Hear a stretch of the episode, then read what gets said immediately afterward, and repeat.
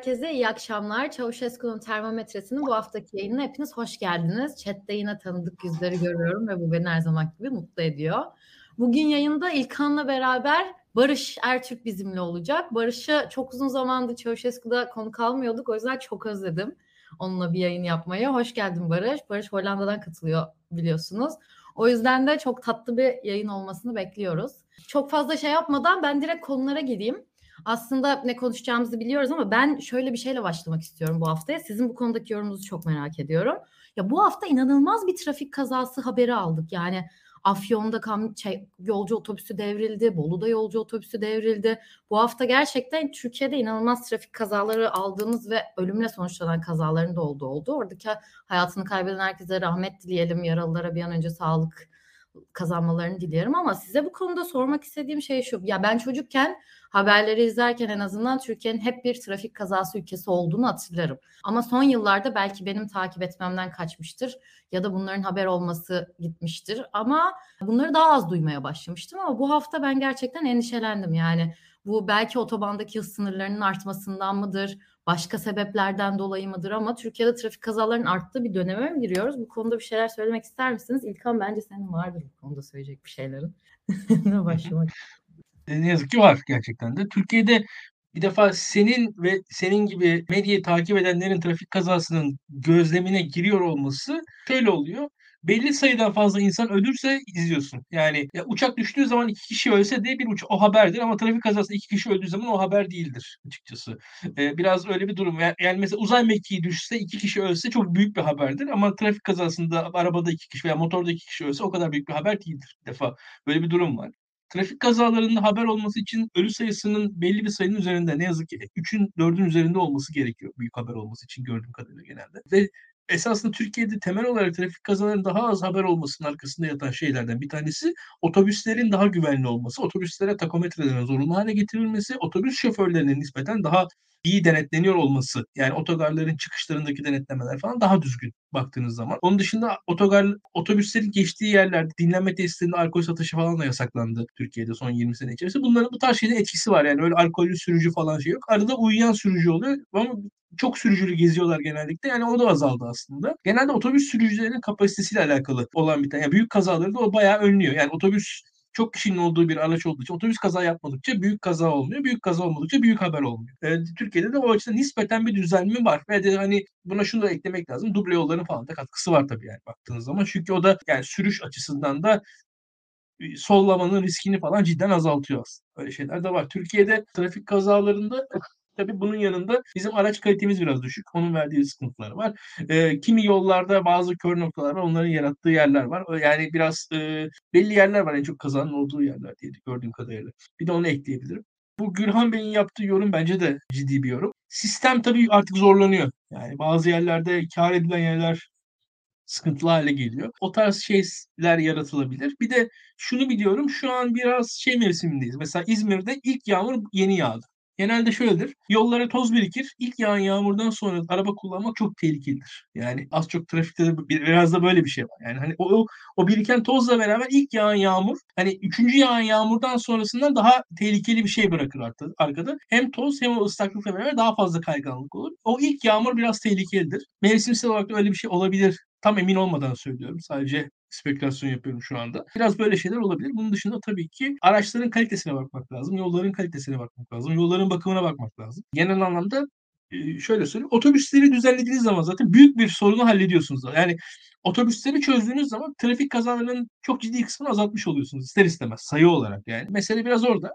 Otobüslerde sıkıntı olmadıktan sonra çok kolay sıkıntı olur. Bir de büyük bizi korkutan kazalar daha ziyade biraz şey gibi olacak ama otobüslerde sürücülerin kamyonlardaysa kamyonların fren sistemlerinden kaynaklanan sıkıntılar olabiliyor. Bunun yarattığı bu tarz iki sorun var benim görebildiğim kadarıyla. Ee, bunun kalıcı olacağını çok düşünmüyorum açıkçası. Trafik meselesinde Türkiye biraz bir yol aldı aslında.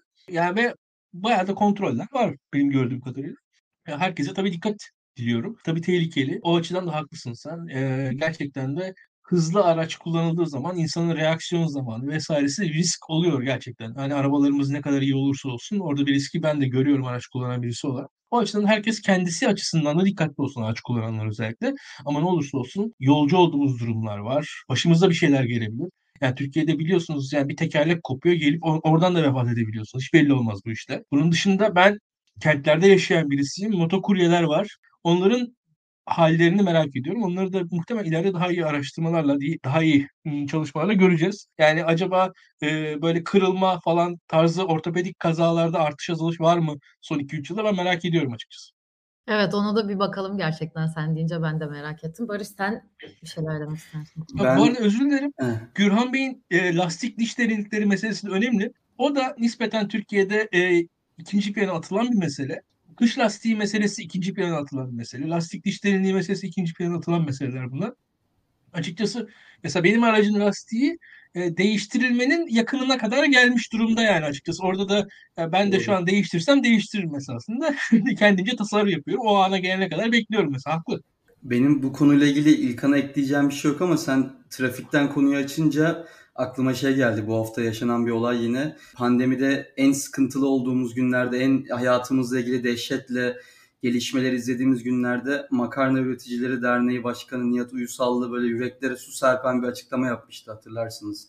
İşte ülkeyi makarnaya boğarız hiç kimse dert etmesin diye. Ona benzer bir olay oldu. Bu öz erciş turizm anayasaya tekrar uzun süre sonra anayasa ve onun Türkiye'deki kurumlara, Türkiye'nin anayasal güvencesini işaret eden bir açıklama yaptı. Sen trafik deyince aklıma bu haftaki gelişmelerden biri de oydu. Ama İlkan'ın söylediklerini ekleyeceğim bir şey. Gerçekten bir ülkede fakirleşme olduğu zaman bu tabi hayatın her alanına yansıyor. Ve herhangi bir formda kendinize ve etrafınızdakilere zarar verme riskiniz de artıyor tabii ki. Ama özel diş turizme de buradan selam göndermiş olalım. Yani evet güzel bir şeye değindin. Gerçekten benim de Twitter'da takip ettiğim bir tartışma ama bence hiç belki de konumuz gereği şey yapmamamız gereken belli olan konumuz bir tartışması. Burayı kapamadan başka bir gerçekten sosyal olaya geçip öyle bir siyasete geçelim istiyorum. Hüsnü Ünlü yazmış aslında. Kuduz olan çocuklar öbür bir gündemimizde hayattan. Ya gerçekten Bitlis'te iki çocuk köpek ısırması sonucunda hastaneye kaldırıldı ve bir tanesi gerçekten hayatını kaybetti. 2022 senesindeyiz ve kuduzdan dolayı 10 yaşında bir çocuk hayatını kaybetti. Tam da sokak köpeklerini bu kadar konuştuğumuz dönemde hani bir çocuğun ailesine son kez gösterilip uyutulması kuduzdan dolayı gerçekten çok acıydı. Ya hepimizi oraya dikkatini çekti. Hepimizin konuşması gereken bir mesele. Hüsnü Bey katılıyorum ben de yani. Çocuklardan biri hayatını kaybetti, uyutuldu. Bu konu hakkında ne düşünüyorsunuz? Yani kuduz gerçekten hani bilimsel olarak da bir kere sinir sistemine bağlandığı zaman virüs dönüşü olan bir hastalık değil ve gerçekten çok tehlikeli. Hepimizde yeni fobiler mi oluştu? Bu olayı nasıl okumak gerekir ya da ne dersiniz bu konuyla? Barış seninle başlayabiliriz bu sefer istersen. Yani tabii çok üzücü bir olay, çok talihsiz bir olay böyle bir dönemde böyle bir e, durum hissetmek. Sadece şöyle bir durum var. Hayvan, sokak köpekleri özellikle tabii ki şu an gündemi işgal eden ve biraz bence ne diyeyim kendine alan açmaya çalışan bazı figürlerin ve partilerin biraz araçsallaştırdığı bir mevzu. Ben bu tarz mevzulara hep şöyle bakıyorum. Bunun çok barışçıl, çok iki tarafında kabul edeceği bir orta yolu var aslında. Ve iki tarafta o makulün sesi e, hayvanları bir katliam yapmadan bir yandan da sokaklardaki güvenliği sağlamanın bir orta yolu var. Ama tabii iki tarafta çok ekstrem seviyelerden bu meseleyi tartıştığı için artık belli bir noktadan sonra meseleyi çözmekten ziyade en sert yorumu yapmak ve en karşıt görüşü belirtmek üzerine tartışılıyor bu mesele. Ee, Türkiye'de gerçekten ben şeyi anlıyorum. Hani bazı mahalleler gerçekten güvensiz. Ben kendi çocuğum olsa şeyim olsa sürekli her gün endişe içinde şey yaparım. Çünkü çete yani bilinçsiz bir canlı çete halinde geziyor ve size zarar verebilir. Ee, ve ama bu noktada da iki, bunun insani bir çözümü var, insani bir yöntemi var. Ama maalesef biraz da kızıştırılan bir mesele olduğunu düşünüyorum e, bu meseleyle ilgili ve biraz empati yaparak bundan rahatsız olan insanlarla onlar da kendine empati bekleyerek Onlardan da kendine empati bekleyerek bu mesele çözülebilecek bir mesele normalde. Türkiye'nin kapasitesinin yettiği bir mesele. Öyle şey bir mesele değil. Türkiye, Türkiye'deki de belediyeler, devletler bunun altından kalkamaz gibi bir mesele değil. Tabii Kuduz meselesini İlkan daha iyi değerlendirir. Orada biraz ne diyeyim orada köy kent ayrımına ayrı onun ayrı dinamikleri de var. Çünkü şehirlerde neticede köpekler olsa da biraz aşı olma, olunma noktasında daha bilinç fazla oluyor. Bunun tabii ki o bu konuda mağdur olan insanlar suçlu değil. Bunun normal bir şekilde akışa uygun bir şekilde şeyini yapmayan, kampanyasını yapmayan kişiler suçlu elbette. Ama onun kuduzun olması kuduz spesifiğinde daha bölgesel bir takım e, durumlar var. Ama genel olarak sokak köpekleri mevzusunda, sokak hayvanları mevzusunda daha doğrusu bu radikallerin tartışmayı ele geçirmesi beni çok rahatsız ediyor ve biraz çözümden de uzaklaştırıyor bizi. Ee, o yüzden ve işte az önce söylediğim gibi İlkan oradan paslayayım hani bazı partiler de özellikle şey yapıyor adını da koyalım yani hani Ümit Özdağ kendini alan açmak için ve onun şeyleri bu meseleyi kullanıyorlar. E tabii karşı taraftan da bir empatik bir tavır gelmeyince de belki araçsallaştırılması daha mümkün hale geliyor olabilir. Şimdi benim söyleyeceklerim bu kadar bu konuyla ilgili. Yani evet aslında çok fazla ülkenin gördüğü ve çözdüğü bir şey yani sokak hayvanları sadece Türkiye'nin başına gelen ve Türkiye'de görülmüş bir mesele değil ama bir türlü sistematik bir çözüme ulaşamıyoruz ve şu anda da 21. yüzyılda hani iki tarafında gerçekten çözüme ulaşmakta zorlandığı bir kavga haline geldi. İlkan sen ne dersin bu konuyla alakalı? Konu Türkiye'de iki alan üzerinden tartışılıyor. Birincisi tabii e, evcil hayvanlar. Herkesin sahiplendiği, kendi e, evinde baktığı, bahçesinde baktığı hayvanlar. Bir diğeri tabii sokakta beslenen hayvanlar üzerine tartışılıyor. Aslında bir iki boyut daha var. Bu mesela köy ortamında her köylünün neredeyse bir köpeği vardır. Şimdi or- orada bir biraz bir güvenlik e, unsuru olarak kullanılır. Tam olarak evcil hayvan da sayılmaz. bir işin bir bu tarafı var.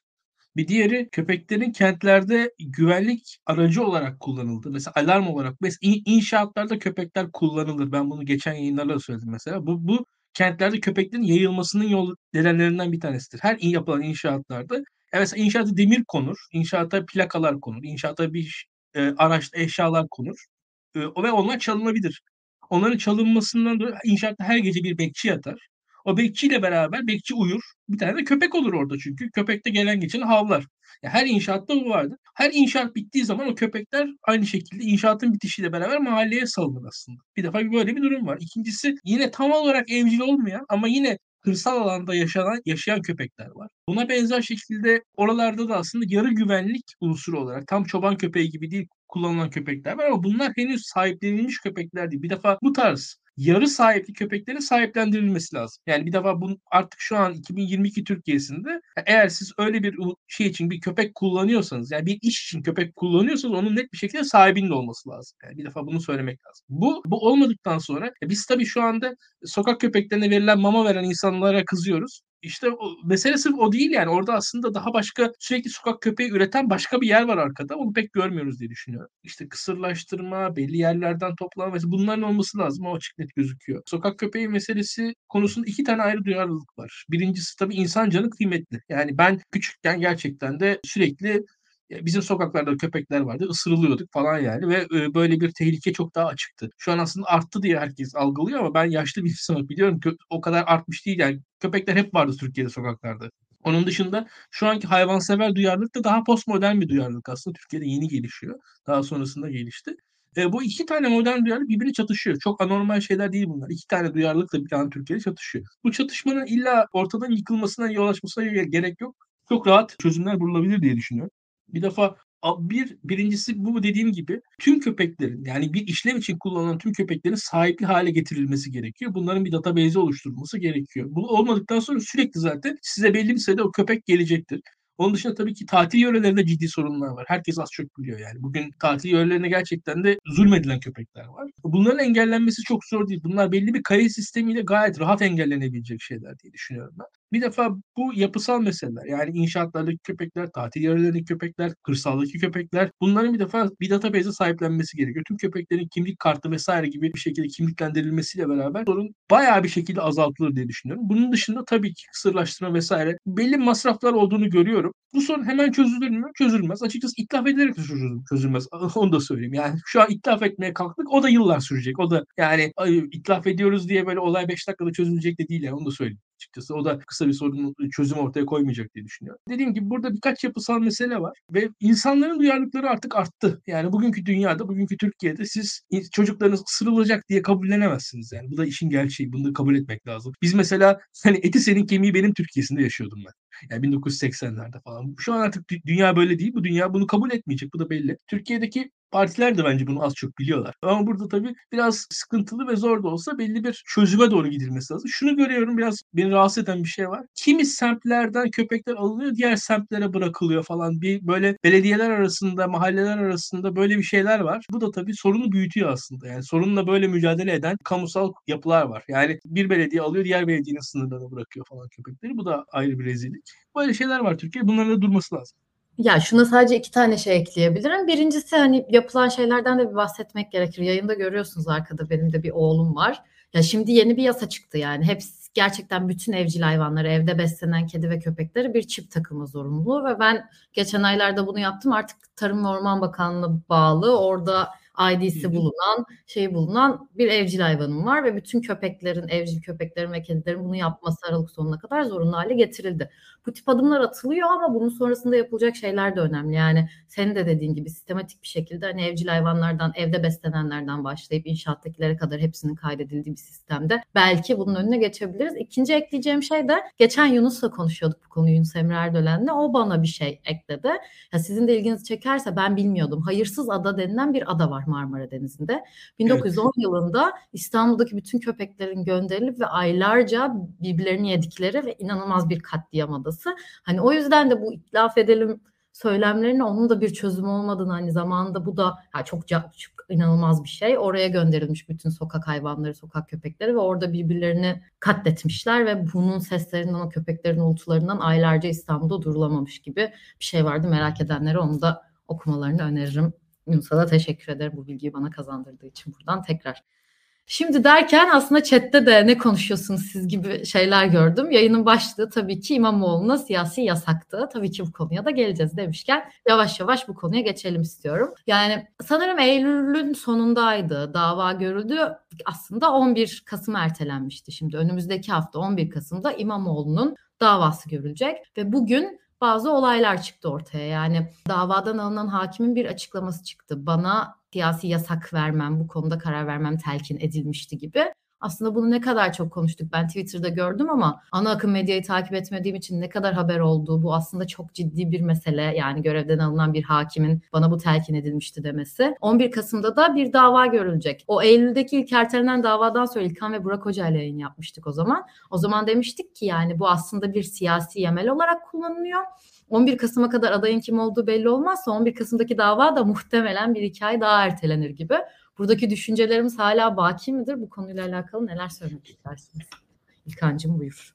Türkiye'de ne yazık ki yargı siyasallaşmış durumda. Bu açıklamanın ne kadar sahih olup olmadığını bu bahsedilen hakimden bilmiyoruz ama yani öyledir muhtemelen açıkçası. Öyle olsa şaşırmam, öyle olsa şaşmam. İmamoğlu konusunda da bir e, demokrasi kılıcını sallamanın en faydalı olduğu düşünülüyor. Burada da mesele şu kamuoyunun tepkisi. Her şeyi o belirleyecek. Bu işin sonu bakın açık konuşayım. HDP'nin kapatılmasına da gidecektir. Burada bir genel gidişat var. Bu işin sonu işte Canan Kaftancıoğlu ile başladı. Canan Hanım'ın siyaset yasağı gelmesi. Biz normal karşıladık. Yani Canan Hanım bugün işte Türkiye'nin ana muhalefet partisinin en önemli 5-10 figüründen bir tanesiydi ve şu an siyaset dışında. Yani Türkiye mesela vekil falan olamayacak yani şu an muhtemelen. Bu çok korkunç bir şey ve biz bunu Canan Hanım'ın şahsı üzerinden tartıştık. Sistem açısından, demokrasi açısından tartışmadık aslında. Yani Canan Hanım'ı beğeniyor muyuz, beğenmiyor muyuz? İsterseniz beğenmeyin ne olacak yani. Hani ama mesele demokrasiye dair bir sorundur. Üzerinden bakamadık. Bugün sıra İmamoğlu'na geldi. Yarın HDP'ye gelecek. Belki öbür gün başka birine gelecek. Kılıçdaroğlu hakkında iddialar. İşte bu emniyet, uyuşturucu falan meselesi üzerinden. İşte Sezgin Tanrıkulu hakkında fezleke geliyor. Yani şu anda sürekli aslında bir baskı devam ediyor. Sürekli ve hepsinde de aslında birinin beğenmediği birisi oluyor yani açıkçası. O da her zaman birileri birilerini beğenmiyor Türkiye'de. Biz bunu aslında beğendiğimiz, beğenmediğimiz siyasetçi üzerinden çıkartıp da sistem sorunu olarak bakmadıkça da bu böyle devam edecektir. Hükümet de bunu e, kullanıyor açıkçası. Muhalefet e, birbirine ilkeler üzerinden değil de beğeniler üzerinden sınıflandırırsa iktidar bunu kullanır. E, şu an Türkiye'deki muhalefetin sorunu yani arada pırıl tartışıyoruz ya biz mesela aday kim olacak falan diye mesela yani aslında. Ya şu var aday Ali olacak ya da Veli olacak. Aday Barış olacak ya da İlkan olacak veya Pırıl olacak değil. Muhalefet bir arada duracak mı durmayacak Bunu konuşuyoruz aslında. Yani muhalefet bir arada duracaksa bu seçim kazanılacak. Muhalefet bir arada durmayacaksa bu seçim kaybedilecek. Bu kadar basit. Yani bugün Ekrem İmamoğlu iyi adaydı. Tamam çok iyi adaydı doğru. Ama bir yandan da şu muhalefet bir arada durdu, durdu, durdu ve seçim kazanıldı. Muhalefet bir arada durursa bu seçim kazanılır. Durulabilirse yani. Bu kadar basittir. Ve bu meselelerde de bu kadar basit. Ben yine aynı beklentideyim. Yine bir erteleme bekliyorum. Bu belirsizliğin sürmesini bekliyorum açıkçası. Bu belirsizliğe karşı da şu anda e, işte İmamoğlu Halk TV'de bence olumlu.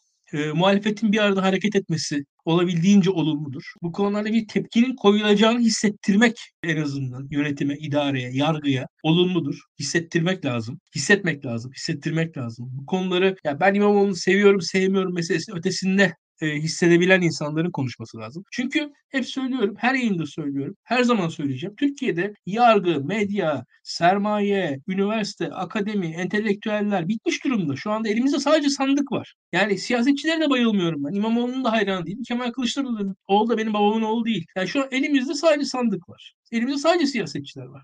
Ya bugün işte Meral Akşener'i beğenmeyebilirsiniz. HDP ile sorunlarınız olabilir. Kılıçdaroğlu'nu hiç tutmayabilirsiniz. Ama el, sandıktan başka bir şey yok. Yani elimizde sadece sandık var bizim. Bu yüzden de sandığa sahip çıkmak gerekiyor diye düşünüyorum. Sandığa sahip çıkmak da yine aynı şekilde bu davalara karşı da tavır almak gerekir. Tavır almayı gerektirir diye düşünüyorum.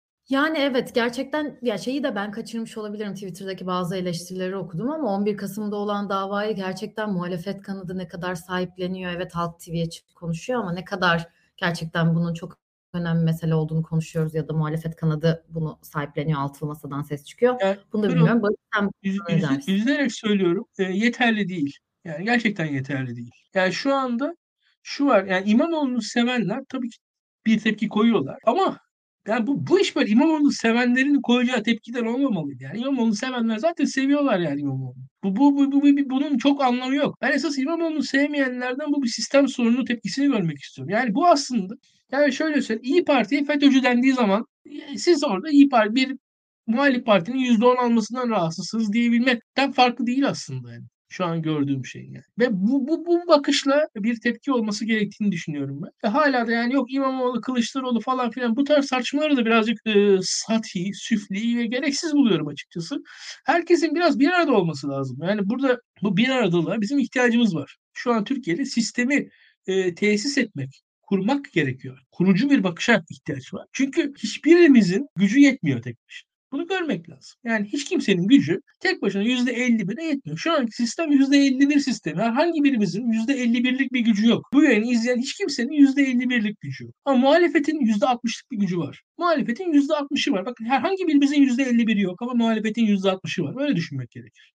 Doğru. Barış sen ne demek istersin bu konu hakkında? Meselenin girişindeki tespitlere katılıyorum. Ben de bir ceza beklemiyorum şu aşamada. Çünkü şu an AKP için asıl değerli olan şey muhalefetin içindeki kavga. Kavganın sürmesi, işte adaylık sürecinde insanların birbirini yemesi, diğerinin yaptığı bir hamleye içinin dönmesi. Çünkü şu an hangi aktör çıkarsa çıksın, hangi aktör bir şey yaparsa yapsın bir noktada bu kimin adaylık kampanyasına yarayacak diye bir refleksleri insanlar ona, göre belirliyor biraz. İçinin şey olup olmamasından. Yani örneğin Kılıçdaroğlu'nun ona bakarsanız şey söylemi de bence çok konuşulmadı. Uyuşturucuyla ilgili söylemi. Hani haddinden az konuşuldu. Bu da aynı sebepten dolayı. Çünkü birileri de atıyorum Kılıçdaroğlu'nun söylediği bir şeyi savunmayı, öne çıkarmayı, ya ne doğru dedi demeyi bir siyasi hamle olarak görüyor.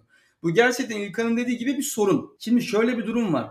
Burada AK Parti için önemli olan kavganın devam etmesi. Eğer İmamoğlu şu aşamada bir ceza alırsa henüz aday olarak ilan edilmeden ya da sürecin bu kısmında zaten muhalefetin adayı az çok belli olmuş olacak. Adaylık kavgası bitecek ve İmamoğlu'nu kim aday olursa diyelim işte Kılıçdaroğlu aday oldu. Zaten elinde tutacak beraber gezdirecekler. Bizim e, beraber kazanacağız. Bizim için şey olacak diye. Bence her şekilde böyle olacak o ayrı da. Hani şu aşamada kavgayı bitirecek aday opsiyonlarını azaltacak bir hamle yapılmayacaktır diye düşünüyorum. Bu birincisi. İkincisi bir de biraz bu tespitleri yaparken biraz kendi, yani bizlerin de düştüğü bir hata var.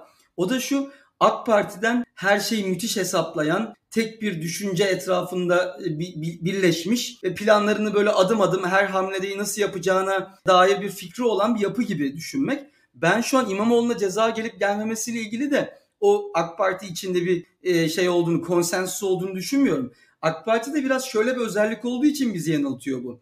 AK Parti'de bir politika değiştiğinde insanlar rahatsızlıklarını söylüyorlar. O politika yapılırken herkes susuyor. Örneğin HDP aylarca teröristten de aylarca kriminalize edildi. HDP ile görüşüldüğü anda bir e, kontekst içinde anayasa tartışmaları için oldu bu geçen hafta. Birileri dedi ki işte Şamil Tayyarlar falan filan Ya zaten hiç böyle yapmamamız lazımdı. Mecliste bir partidir, meşru bir partidir. Ne olmuş görüşmüştük dedi. Politika oraya değişince birden biz AK Parti içinde HDP'ye uygulanan o ne diyeyim yaklaşımın o kadar da hoşuna gitmeyen insanlar olduğunu gördük. Şimdi bu yüzden bu açıdan baktığımızda İmamoğlu'na ceza verilmesi noktasında da ben bir şey olduğunu düşünmüyorum. O yüzden ceza gelirse bu bölünme de AK Parti'yi de böler bu. Çünkü bir, birileri eminim onun ceza verilmesinin muhalefeti çok fazla konsolide edeceğini, bir kahraman yaratacaklarını falan filan düşünüyor. Zaten ceza saçma sapan bir dava. Hani ona artık değinmiyorum bile bu duruma. Bu yüzden ceza olmayacağını ama muhalefetin de işte az önce söylediğim gibi o ona şey yapmıyor. Onun davasında biraz e, ne diyeyim daha az e, sahip çıkıyor. Onun söylemine daha az çıkıyor. Asıl AK Parti'nin planı da bu olduğu için e şimdi göz göre göre de biz bu plana muhalif kamuoyu olarak o plana ne diyeyim uygun hareket ediyorsak e zaten onların hiçbir karar almalarına gerek yok yani. Yiyelim birbirimizi böyle o onun paçasından çeksin, o onu şey yapsın böyle ilerlesin işte. Daha iyi bir opsiyon olamaz. Hani siyasi yasaklamaktan daha güzel bir meşru alanda kalarak e, benim ilmemi indiriyorsun yani. Çok güzel bir strateji. E, bunun geri getirmemiz lazım. Yani sahip çıkılma mevzusunda açıkçası bir noktada bunu şey yapmış daha sahip çıkan insanlar olabilir, daha fazla çıkanlar olabilir. Bir şeyleri planlayarak hareket eden insanlar olabilir ama onun çok da engellenebilecek bir şey olduğunu düşünmüyorum. Ee, örneğin işte Halk TV'de bugün ağırlıyorlar e, Ekrem İmamoğlu'nu ve ciddi bir kamuoyu desteği de var. Yani bunu buna rağmen gerçekten şey yapmak isteyen de varsa hani engellemek isteyen gerçekten ne diyeyim siyaseten kendine zarar veren, siyaseten kazanamayacağı bir şeye giren bir durum olacaktır. Burada önemli olan artık önemli olan artık bu adaylık kavgası. Adaylık kavgası aday belirlenerek değil başka yöntemler de çözülebilir.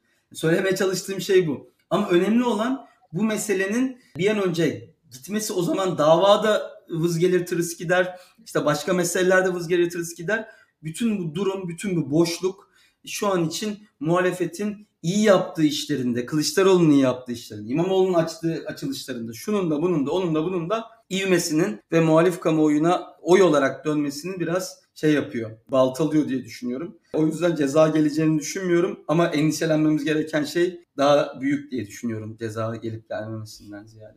Ya burada aslında ikinizden de duyduğum yorumlarda da çok şey yaptım. Uzun bir süredir gündemi belirleme şeyini gerek altılı masanın üyeleri muhalefet partileri gerek başka muhalefet partileri tutuyordu ama iktidar tekrar o ipleri eline alma şeyine gitmeye çalışıyor. Aslında bunu bir şekilde engellememiz lazım. Türkiye'de gündemi belirleyen tekrar Cumhur İttifakı haline geldiğinde benim de açıkçası kişisel olarak korktuğum şeylerden biri bu. Bu arada Barış konuşurken notlarımda da vardı benim ama sen de bir değindin. AK Parti'nin HDP görüşmeleri bugün bahsedeceğiz diye de konuşmuştuk aslında. Çok uzun zamandır HDP'yi altılı masanın yanında terörist bir parti olarak konumlayan AK Parti varken gerek anayasa oylaması için gerek başka sebeplerden gerçekten resmi olarak AK Partili vekillerin HDP ile resmi görüşmeleri başladı. Bunu nasıl yorumlamak gerekiyor? Hem AK Parti açısından neyi hedefliyordur? Hem HDP buna bir yaklaşım getirir mi ve buradan biz ne çıkarmalıyız, ne düşünürsünüz? Barış senle yapabiliriz İlkan Sucu. Okey. Önce İlkan için zor oluyordur vardı belki iki defa üstüne konuşmam. Ya şöyle söyleyeyim. Az önce gündem belirleme noktasına tekrar değineyim. Yani gerçekten e, karşınızda 20 yıldır gücünü konsolide etmiş, devletin bütün kurumlarını ele geçirmiş bir yapı var. Şimdi sizin bir arada durmaktan başka bir gündem belirleme ne diyeyim asetiniz yok. Adam zaten yani 7 milyon kişinin başvurduğu 1 milyon arsa dağıtıyor. E, gündemi belirlemek için avantaj zaten kaç 20 sıfır önde başlıyor. Asgari ücreti 3 katına çıkartıyor. Gündem oraya geçiyor. Şunu yapabilir, bunu yapabilir. Sizin bir arada durup bunların hepsinin etkisini sınırlayıp ve gündemi kendinizde tutmanız gerekiyor. Ve bunun içinde sizin vaatleriniz dışında karşısına koyabileceğiniz bir şey. O yüzden bir arada durmak e, ve birbirinin zaten zar zor ürettiği politika, söylem ve stratejileri olabildiğince değerini kat be kat arttırmak çok önemli diye düşünüyorum. Şimdi bu görüşmeye gelelim. Yani zaten Daktilo 1984 ailesinin ve burada program yapan herkesin HDP ile ilgili görüşleri bellidir. Ve HDP'nin ve bu sorunun yani buradaki bu meselenin olabildiğince meşru aktörlerle çözülmesi, radikallerin işi radikalize etme ve bunu bir siyasi araçsallaştırma sürecine dönüşmesinin ne kadar rahatsız olduğumuz ortadadır. Ama bir noktada biz şeyin de farkındaydık. Burada Çavuşesku'da yapılıyordu. AK Parti'nin HDP'ye sonuna dek karşısına koyarak ve belki de kapatarak tabii ki kapatabilir ama nereye kadar bu işi götürmez, götüreceğinin de biz burada tartıştık. Bunun aslında onlara da pragmatik olarak da ne kadar akıllıca bir strateji bunu da tartıştık. Ve tabii ki günün sonunda seçim süreci yaklaştıkça bu e, şeyi yapacaktır. Benim burada söylemeye e, göstermeye çalıştığım şey şimdi şöyle bir şey oldu. Biz İstanbul seçimleri öncesinde Abdullah Öcalan bir mektup yayınladı ve Devlet Bahçeli de yazılı bir açıklama yayınladı. Dedi ki bakın dedi bunlara iktidarı vermiyor bu. İşte kararını vermiştir falan filan dedi. Yani aslında dinleyin dedi. Hatta HDP'li aktörleri daha yani Öcalan'dan daha kötü konuma koyan bir açıklamaydı o. Çünkü hani bunlara gücünü paylaşmak istemiyor diyor. Yani sanki onlar Abdullah Öcalan'dan daha evil bir pozisyondaymış gibi. Şunu söylemek istiyorum. MHP'den o kadar öyle bir tepki gelmedi. Şimdi MHP hani şey oynuyor da kamuoyunda öyle yansıtmaya çalışıyor kendini işte kırmızı çizgilerinden taviz vermeyen yarın işte büyük bir açıklama gelecekmiş falan filan bunu oynuyor. Ama burada şunu görmek gerekiyor. İktidar gücünü azalttıkça oradaki pastanın payı da düşüyor gittikçe. Şimdi bu oy oranlarıyla MHP'de şu an vekil olan insanlar AK Parti onlara ekstra bir kontenjan şubu vermediği müddetçe hepsi vekil olamayacak. AK Parti'deki şu anki isimlerin hepsi vekil olamayacak. Hepsinin bunların pastadan şey düştükçe bu işte el yükseltmeler, şeyin içindeki ittifakın içindeki yerini keskinleştirmeler bunlar artıyor ve bu yüzden de AK Parti'nin HDP ile görüşmesi sonrası bence bu o veya bu şekilde olacaktı. Eğer HDP'nin kapanma sürecine gidersek ki o da hiç düşük bir ihtimal değil. Bence AK Parti kendi topuğuna sıkmış olacak. Yani çok akıllıca bir hamle olmaz. AK Parti içinde de konsensus olmaz bence bu böyle bir yaklaşımda. Ama şöyle bir durum oluyor. Onların böyle bir durum yapması küçülen pastada birbirlerine pay alma noktasında aktörlerin iştahını kabartıyor ve bu yüzden de MHP ile AK Parti'nin arasındaki alan kavgasını bu ahlaki söylemlerle, milliyetçi söylemlerle bir e, paya almaya çalışıyorlar. Bu iktidar kullanırsa akıllıca bir şey olabilir. Buradan siz HDP'yi de kendi yanınızda bırakarak bir meşru aktör olarak onların içindeki kavgayı da derinleştirerek bir sonuç çıkarabilir, e, çıkılabilirler diye düşünüyorum. İlkan sana devrederken bir de Barış'ın sözlerinden bir extension yaparak, bir ekleme yaparak devredeyim sana. Yarın da Bahçeli'nin bir grup toplantısı yapması bekleniyor. Herkes bu HDP yakınlaşmasından sonra Bahçeli'nin tepkisini de çok merak ediyor. Sence nasıl bir tepki verecek? Bence çok sürpriz bir tepki vermeyecek ama Bahçeli bu ne olacağını da bilemeyiz. Sen ne düşünürsün bu konuda? Ekstra bu konunun. Bir defa senin yorumuna katılıyorum. Gayet dediğin gibi Devlet Bahçeli'den ben çok sürpriz bir açıklama beklemiyorum. E, yani Devlet Bahçeli'nin Adalet ve Kalkınma Partisi HDP ile görüştüğü için yerden yere vuracağını da inanmıyorum. Aksine ya burada şöyle bir durum var. İktidar partisini destekleyen insanlar Böyle konular oldukları zaman çok basitçe bakıyorlar ki vatanını milletini seven birileri olarak HDP ile görüştük diye bakıyorlar. Yani bu, bu sadece muhalefette yaşanan bir sıkıntı. Yani muhalefette bu insanlar böyle kendilerini hainlikle vatanseverlik arasında bir dehşetli gelgit içerisinde bir anaforlar içerisinde görebiliyorlar. Ve hatta hani ve inanıyor yani insanlar. Esas sıkıntı orada. İktidardan herhangi birisi HDP ile görüştüğü zaman Türkiye Cumhuriyeti'ni savunmak için, vatan için, millet için, din için, bayrak için, ümmet için HDP'de görüşmüş oluyor. Muhalefetten birisi görüştüğü zaman hainlik için, işte bölücülük için görüşmüş oluyor. Yani bu, bu, bu iş bu iş şu an böyle. Muhalefet e, kamuoyu kendi bilir. Yani muhalefet kamuoyu Türkiye'de her, herhangi bir görüş. Yani ben şu anki muhalefet kamuoyuyla açık konuşayım mesela Lozan falan imzalanamazdı. Açık net yani. Hani Türkiye'de şu anki muhalefet kamu Twitter olsaydı Lozan imzalanamazdı. Kesinlikle eminim ben yani. Şu anda şu e, şu kamuoyuna ikna edemezdiniz yani. Şu anki muhalifleri. Benim gördüğüm bu. Ve öyle bir noktadayız ki biz ister istemez siz kimle görüşecek? Yani Yunanistan'la görüşür müyüz diye başlarsınız. Ya İngilizlerle görüşülür mü diye muhtemelen o zaman da konuşacaklardı. Yani çok inanılmaz şeyler yaşanmıyor. Ya oradaki o görüşme muhtemelen böyle olacaktı. Bütün tartışmalar zaten böyle şu an. Herkes kendini bir şekilde karşısındakini hain, vatan haini, bölücü falan diye adlandırıyor. Yani biz zaten böyle görüyoruz kendimizi. Ve, ve bu bu şekilde de muhalif partiler de kendilerini sürekli öyle teste sokuyorlar. Adalet ve Kalkınma Partisi'nin mezurasında, MHP'nin tartısında ölçülmeye hevesli insanlar var. Yani Adalet ve Kalkınma Partililerinin mezuralarında, MHP'lilerin tartılarında tartılmanın ölçümünün alemi yok. Muhalefet kendi kriterlerini kendi koyabilir. O kendi yani kendi politikasını kendi yazabilir. HDP'ye dair Türkiye'de Cumhuriyet Halk Partisi'nin kendi görüşü olabilir. Yani HDP'ye dair Cumhuriyet Halk Partisi kendi görüşünü AKP'ye beğendirmek zorunda olmayabilir. İyi Parti'nin HDP'ye dair görüşünü MHP beğenmiyor olabilir. Şu an bakın İyi Parti MHP'nin HDP'ye dair görüşlerini beğenmiyor. Hiçbir etkisi oluyor mu? Olmuyor. Olmuyor. Yani şu anda İyi Parti Devlet Bahçeli'nin Öcalan'a dair dediklerini onaylamıyor. E bunun Devlet Bahçeli'ye bir etkisi oluyor mu? Olmuyor. E bakarsanız şu an Türkiye'de çözüm süreci oldu. Adalet ve Kalkınma Partisi oylarında öyle çok da bir oynama olmadı. Baktığınız zaman burada biraz muhalif kamuoyunun kendisine dair bir mesele var burada. Muhalif kamuoyu kendi karar verecektir. Yani bugün biz Kılıçdaroğlu'nun Amerika veya İngiltere gezilerini gördük. Aynı şekilde yarın bir gün mesela ben o konularda çok uzun zamandır program yapamıyorum. İçimde kaldı. Yani şu an mesela iktidar e, Muhammed Bin Selman'la arayı düzeltti. Birleşik Arap Emirlikleri neydi? Arap Emirlikleri'nin başındakini unuttum da. Şimdi o da bir şeyhle arayı düzeltti. Maktum. Şeyh Maktum'la arayı düzeltti Birleşik Arap Emirlikleri'nde. E Mısır'a geldi Sisi ile arayı neredeyse düzeltecek. Libya konusunda anlaşamadılar Sisi ile. Orada da Müslüman kardeşleri verdi, arayı düzeltti. E yarın bir gün bunlarla kavga ederken de Adalet ve Kalkınma Partileri iktidarın yanındaydı. Hiç kimse öyle şey demiyordu. E, milli çıkarlarımızı bilmem ne yapıyorsun, e, sunuyorsun diye de Adalet ve Kalkınma Partisi söylemiyordu. Yarın bir gün tekrar aralar bozulabilir. Biz bir anda bakın e, Akdeniz'de sürekli petrol arıyorduk. Sonra unuttuk petrol aramayı. Yani hiç belli olmuyor. Bazen mavi vatan konuşuluyor, bazen konuşulmuyor. Herkesin herkesin bir anda böyle ya e, çok Tayyip Erdoğan'ın oğlunun nikah şahidi Yunanistan Başbakanıydı. Yunanistan'ın o sıralarda Akdeniz'de kıta sahanlığına dair fikirleri çok mu farklıydı? Çok, şimdi değişti acaba? Yani Yunanistan o zamanlarda ya Akdeniz Türk Gölü'dür diyordu da bugün Akdeniz Ege Yunan Gölü'dür mü demeye geldi. Yok Yunanistan'ın fikirleri değişti mi bu 20 yıl içerisinde Akdeniz'e dair? Yok. Dün Tayyip Erdoğan Yunanistan'la barışmayı kendi çıkarlarına uygun görüyordu. Bugün çatışmaya uygun görüyor. Tayyip Erdoğan böyle politikalar yapabiliyor. Muhalefet yapamıyor. Bu kadar açıktır bu.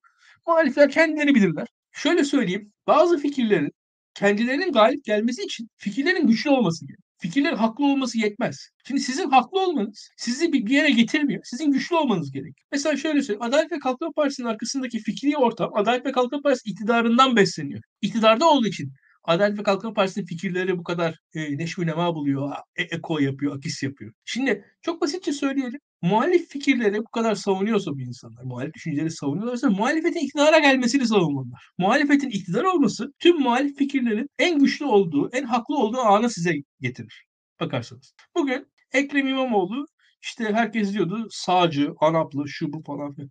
Ya şu anda o, o an Ekrem İmamoğlu eleştiren insanların fikirleri son 25 senede olmadığı kadar İstanbul'da görünür halde, son 25 senede olmadığı kadar İstanbul'un her yerinde yaşanır halde. Bunu işte Cumhuriyet Bayramı kutlamalarından atıyorum kültür merkezlerine kadar bakarsanız görürsünüz. İsimle, kültür merkez isimlerine bakarsanız görürsünüz. Yani şu, şu an Türkiye'de bakın bir İstanbul Belediye Başkanı Türkiye tarihinde ilk defa Madımak andı. Bu kadar söyleyeyim. Yoktu daha önce hiçbir anan bir belediye başkanı olmadı. Şimdi aa niye oldu? 25 yıldır çünkü birileri yönetiyordu. Bu kadar basit. Yani e, nereye baktığınız, neyi gördüğünüze göre dikkat etmek lazım diye düşünüyorum. Konuda da muhalefetin e, kendi bilir. Yani muhalifler kendi bilirler. Şu an muhalif çünkü o fikirler için iktidarda olmaları daha avantajlı bence. Ama tabii uzun zamandır iktidarla değiller. Aynı şekilde yani bu, bu işe biraz, biraz mukayeseli bakmak lazım. Mehmet Ali Çelebi iktidar tarafına geçtiği zaman muhalifler eleştirdi. Teğmen Mehmet Ali değil mi? Hiçbir iktidar yanlısı ya bize bunları söylemiş adamı niye partiye aldık demedi. Bu kadar bize hakaret etmiş birisini biz niye partimize aldık? Niye Adalet ve Kalkınma Partisi sıralarını aldık? Partimize niye bize bu kadar lafları söylemiş bir adamı aldık? diye tek kişi olmadı nedense. Dikkat etmek lazım. Ya acaba neden? Nasıl bir siyasal bilinç? Herkes kendi kararı. Evet, özellikle sen son yayınlarda sürekli bu konuya değiniyorsun. Yani iktidar partisinin içerisinde bu hamlelere hiçbir hamle gelmezken muhalefet kendi içinde inanılmaz bölünüyor. İnanılmaz fazla bunları tartışıyor ve gerçekten belki de esas tartışmadan kopuyoruz. Yani Barış da söyledi, sen de şey yaptın. Uyuşturucu konusu Kemal Kılıçdaroğlu'nun bahsetti. Hiç konuşmadık bu konuyu. Öbür taraftan Kılıçdaroğlu İngiltere'ye gitti. Hani bazı meselelerde konuşuldu ama orada ne yaptığı, neden gittiği konuşulmadı. Şimdi Almanya'ya gidecek bildiğim kadarıyla. Bir yandan o bir şeyler için, belki de yatırımlar için, gelecek fonlar için bir şekilde iktidar değişikliğine karşı savaşıyor. Bunları konuşmaktansa bazı başka tartışmalarda kayboluyoruz. Orada katılıyorum. Son olarak size bir de şunu sormak istiyorum. Her yayında şey sorumuz seçim atmosferine girdik mi? İlkan aslında, geçen ay aslında artık girdik demişti. İnatta girmedik diyordu sürekli. Ama mitingler olsun, açılışları olsun, Kılıçdaroğlu'nun gerek bu çıkışları, gerek yurt dışındaki gezileriyle olsun. Biraz İmamoğlu tarafı sessiz ama Twitter'daki İmamoğlu fanları tekrar yeniden bir konuşmaya başladılar. Akşener'i ben çok fazla görmüyorum ama sanırım artık görmeye başlarım. Bir de Ekstra olarak bugün Cumhurbaşkanlığı Dijital Dönüşüm Twitter Dönüşüm Ofisi'nin Twitter hesabında şunu fark ettim. 4 hafta önce paylaşılmış hiç görmemiştim. Önümüzdeki sene 3 tane Teknofest. Normalde yılda bir kere yapılan Teknofest'i 3 ayrı şehirde 3 ayrı farklı zamanlarda yapacaklar. Bu da aslında iktidar partisinin bir seçim çalışması ya da o tarafta gençleri çekmek için çalışması olarak kabul edilebilir mi? Seçim konusunda neredeyiz sizce? İlkan hala atmosferde miyiz? Fikrin değişti mi? Tabii ki hala atmosferdeyiz. Teknofest çok enteresan bir şekilde önemli. İktidarın gençlerde aldığı oy çok düşük. Ve bunu anketlerde de kendileri de görüyorlar. Ve buna karşı da ellerinden gelen birkaç şey uygulamaya çalıştılar. Birkaç tane ilahiyat fakültesinin yaptığı araştırmalarla gençlerde dindarlık çok e, düşük ve buna dair de tartışmalar ortaya çıktı ve kimi ilahiyat fakültelerinde bu araştırmanın yayınlamayın falan lafları da arkası, arkadan gitti diye biliyorum hatta. Şimdi buna karşında Türkiye'deki tüm üniversitelere birer büyük cami yapıldı. E, hepsinin en çok görünen yerlerinde camiler yapıldı. Türkiye'deki hemen hemen tüm üniversiteler. Şöyle söyleyeyim bir yandan da şu gözüküyor çok da net bir sonuç alınamıyor ama. Yani o kadar bu dindarlık mesela yurtlar üzerinden büyük bir organizasyon yapıldı. İşte TÜGVA, TÜRGE falan filan. Bu Türkiye'de herhangi bir üniversitenin kayıt şeyine girdiğiniz zaman mesela orada en örgütlü şekilde TÜRGEV'in ekiplerinin onların olduğunu görürsünüz orada. Yani ben birkaç tane kaydı izlemiştim yani oradan biliyorum. Ee, yine aynı şekilde gençlerde o yüzden çalışıyorlar. Yani oyları arttıralım diye uğraşıyorlar çok ciddi şekilde. Fakat burada yani taşıma suyla değirmen dönmüyor. Bir yandan da olmuyor. Bunlarla olmuyor. Fakat burada buldukları gerçek bir damar var. Bu Teknofest gerçek bir damar. Türkiye'de milliyetçi düşünceler, bu askeri teknoloji vesaire bu silahlar bunların alıcısı var. Ve bunlar Teknofest üzerinden de gayet karşılık buluyor. Özellikle genç erkekler üzerinde orada bir etkisi var. Ve bu konular daha böyle ekonominin dışında kalan, nispeten daha böyle yerli milli konular. Askerlik, milliyetçilik, ordu. Bunlar üzerinden bir alıcısı var bu konuların diye düşünüyorum. Ve iktidar buradan da gençlere bence e, kendince en rahat erişebildiği alanı bulmuş durumda diye düşünüyorum. Çok teknofest konusu çok da doğru. Seçime yönelik bir süreçte muhtemelen dediğin gibidir. Bu iş bu hale geldi ve e, şöyle bu teknofest İstanbul'da yapıldı. Anadolu'ya yaydılar bunu. Anadolu'da şehirleri gezdiriyorlar. Her yapılan teknofest de muhtemelen şey olacak. Yani o, o yörenin teknofesti olacak. Yani orada yani mesela şimdi Samsun'da yapılan tüm Karadeniz bölgesinde. Şimdi şu an hangi yerlerde yapıldığını bilmiyorum ama her biri o ilin çevresindeki illeri de kapsayan şekilde orada faaliyetler düzenlenecektir muhtemelen. Orada işte bu İHA'lar, SİHA'lar uçurtulacak. Böyle enteresan işte paraşütler atlayacak, uçaklara uçacak falan böyle o tarz hareketler, teknolojik e, birkaç gösteri falan olacak. Gençler gidecek, tüm okullardan öğrenciler gidecek, bir şeyler dağıtılacak, eşantiyonlar verilecek falan. Orada bir gençlere dair bir motivasyon sağlanacak. Üniversite sınavı, hayaller, hayaller vesaire. Orada işte Selçuk Bayraktar gidecek. Öyle bir aksiyon olacak. Orada birkaç milyon kişiyi hareket ettiriyor bu, bu, bu iş yani. Bu Samsun'daki hemen biliyorum biraz izledim ben de merak ettim ne oluyor ne bitiyor diye. Yani iktidarın bu alttan gelen bir seçim kampanyası halinde mi? Evet öyle. Tam anlamıyla öyle. Ya ve bir noktada da işliyor. Şimdi baktım tekrar dijital ofisin şeyinden Twitter hesabına İstanbul, Ankara, İzmir. Üç tane büyük ilde muhtemelen seçimden üçer ay önce hepsi birer ay olmak üzere üç tane Teknofest düzenlenecek ve milyonların katıldığı bir etkinlik olacak. Ya yani birazcık ben şey olarak görüyorum muhalefet çok fazla yeni jenerasyonu kendisine yakın görürken aslında bence o kadar da emin olmaması gereken bir jenerasyon var. Çünkü gerçekten çok okuyorlar, çok takip ediyorlar, çok fazla şeyin farkındalar ve o kadar da altılı masaya da muhalefete yakın olmayabilirler. Ben bunları ciddi atılımlar olarak görüyorum. Sizin de görüşünüzü merak etmiştim. Barış sen ne dersin bunun hakkında? Yani ben biraz belki fazla iddialı olacak ama bu gençlerin, gençlerin ne diyeyim hali hazırda AK Parti seçmeni olmayan gençlere ikna etme işinin artık çok çok çok zor olduğunu düşünüyorum AK Parti açısından. Çünkü şu anki kuşak şöyle bir şey yaşadı.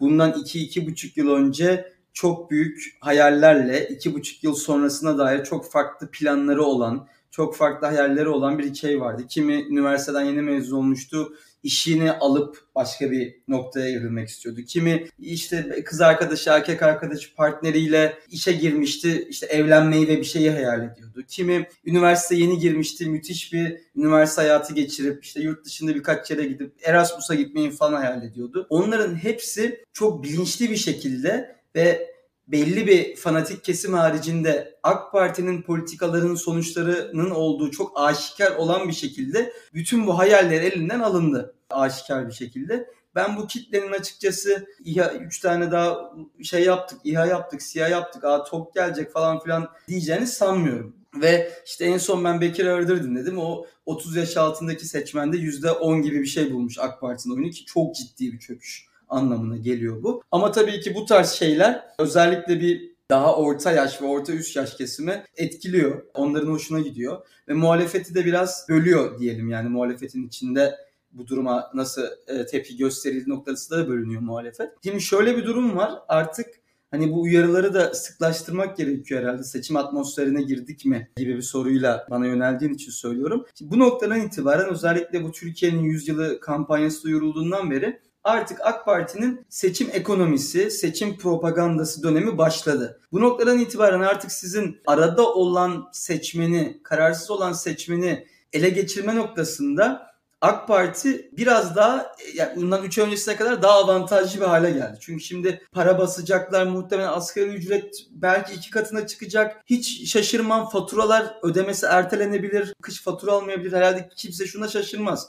Ya ama böyle bir şey olursa seçim e, faturalar yaza ertelenirse o zaman da ekonomi çok kötü olur ve işte AK Parti de bundan çok çekindiği için böyle irrasyonel bir şey girmez diye kimsenin diyeceğini düşünmüyorum. Teknofestler başlayacak, faturalar ertelenecek, paralar basılacak, şu olacak, bu olacak falan. Bu noktada muhalefetin artık dağılan bir AK Parti'nin yerine kalan o ne diyeyim döküntüleri bir arada tutmaya çalışan bir AK Parti ile karşı karşıya kalacak. E, bu yüzden de zor günler bekliyor diyelim ve bu muhalefetin bu, bunun farkında olması gerekiyor bu zorlukların ve artık o serbest düşüş halinin en azından duracağını ya da çok yavaşlayacağını görmesi gerekiyor muhalefetin. Çünkü bütün devlet imkanlarıyla seçim ekonomisi dönemine girdik artık ve bütün işte bu milliyetçi paradigmalarla da olsun ya da işte askeri araç işte Mart'ta satışı başlıyor, teslimleri yapılacakmış. Hani ne kadar doğrudur yanlıştır bilemem. TOG'un. Bu noktada seçim atmosferine girdik ama muhalefet girdi mi seçim atmosferine ve, ve de belki seçim atmosferine fazla mı kaptırdı kendini diyelim. Bakalım göreceğiz. Ama artık o konsolidasyon, para harcama başlıyor AK Parti nezdinde. Ama gençler konusunda hiç ümitlenmesinler yani. Onlara şimdiden böyle bir danışmanlık hizmeti verebilirim. Yani evet ben de açıkçası AK Parti lehine değil de üniversite okuyan bir kardeşim var. Onun ve arkadaşlarından şey yaptılar. Yani mesela şeyler çok etkiliyor. Babala TV'deki yayınlar inanılmaz bir Muharrem İnce sempatisanlığı var gençler arasında. Bunun sebebini anlayabilmiş değilim. Belki de gerçekten argümantasyon kuramıyorum, şey yapamıyorumdur ama bir şekilde bence o kadar da kolay gençler de şey yapıyor dememek lazım. Onlara da bir şeyler yapmak gerekiyor. Onların da sesini duymak gerekiyor. Onlara kendimizi anlatmak gerekiyor. Bakalım bunu gerçekten yapacaklar mı gel demek yerine. Başka ekleyeceğiniz bir şey var mıdır? Çok keyifli bir yayın oldu benim için. Ben fazla çenemi tutamadım bu sefer çok konuştum. Çok teşekkür ederim. Ekleyeceğiniz bir şey yoksa ufaktan bu haftaki yayınımızı kapatalım. Haftaya görüşmek üzere diyelim. Hem size hem izleyicilerimize çok teşekkür ederiz. İyi akşamlar.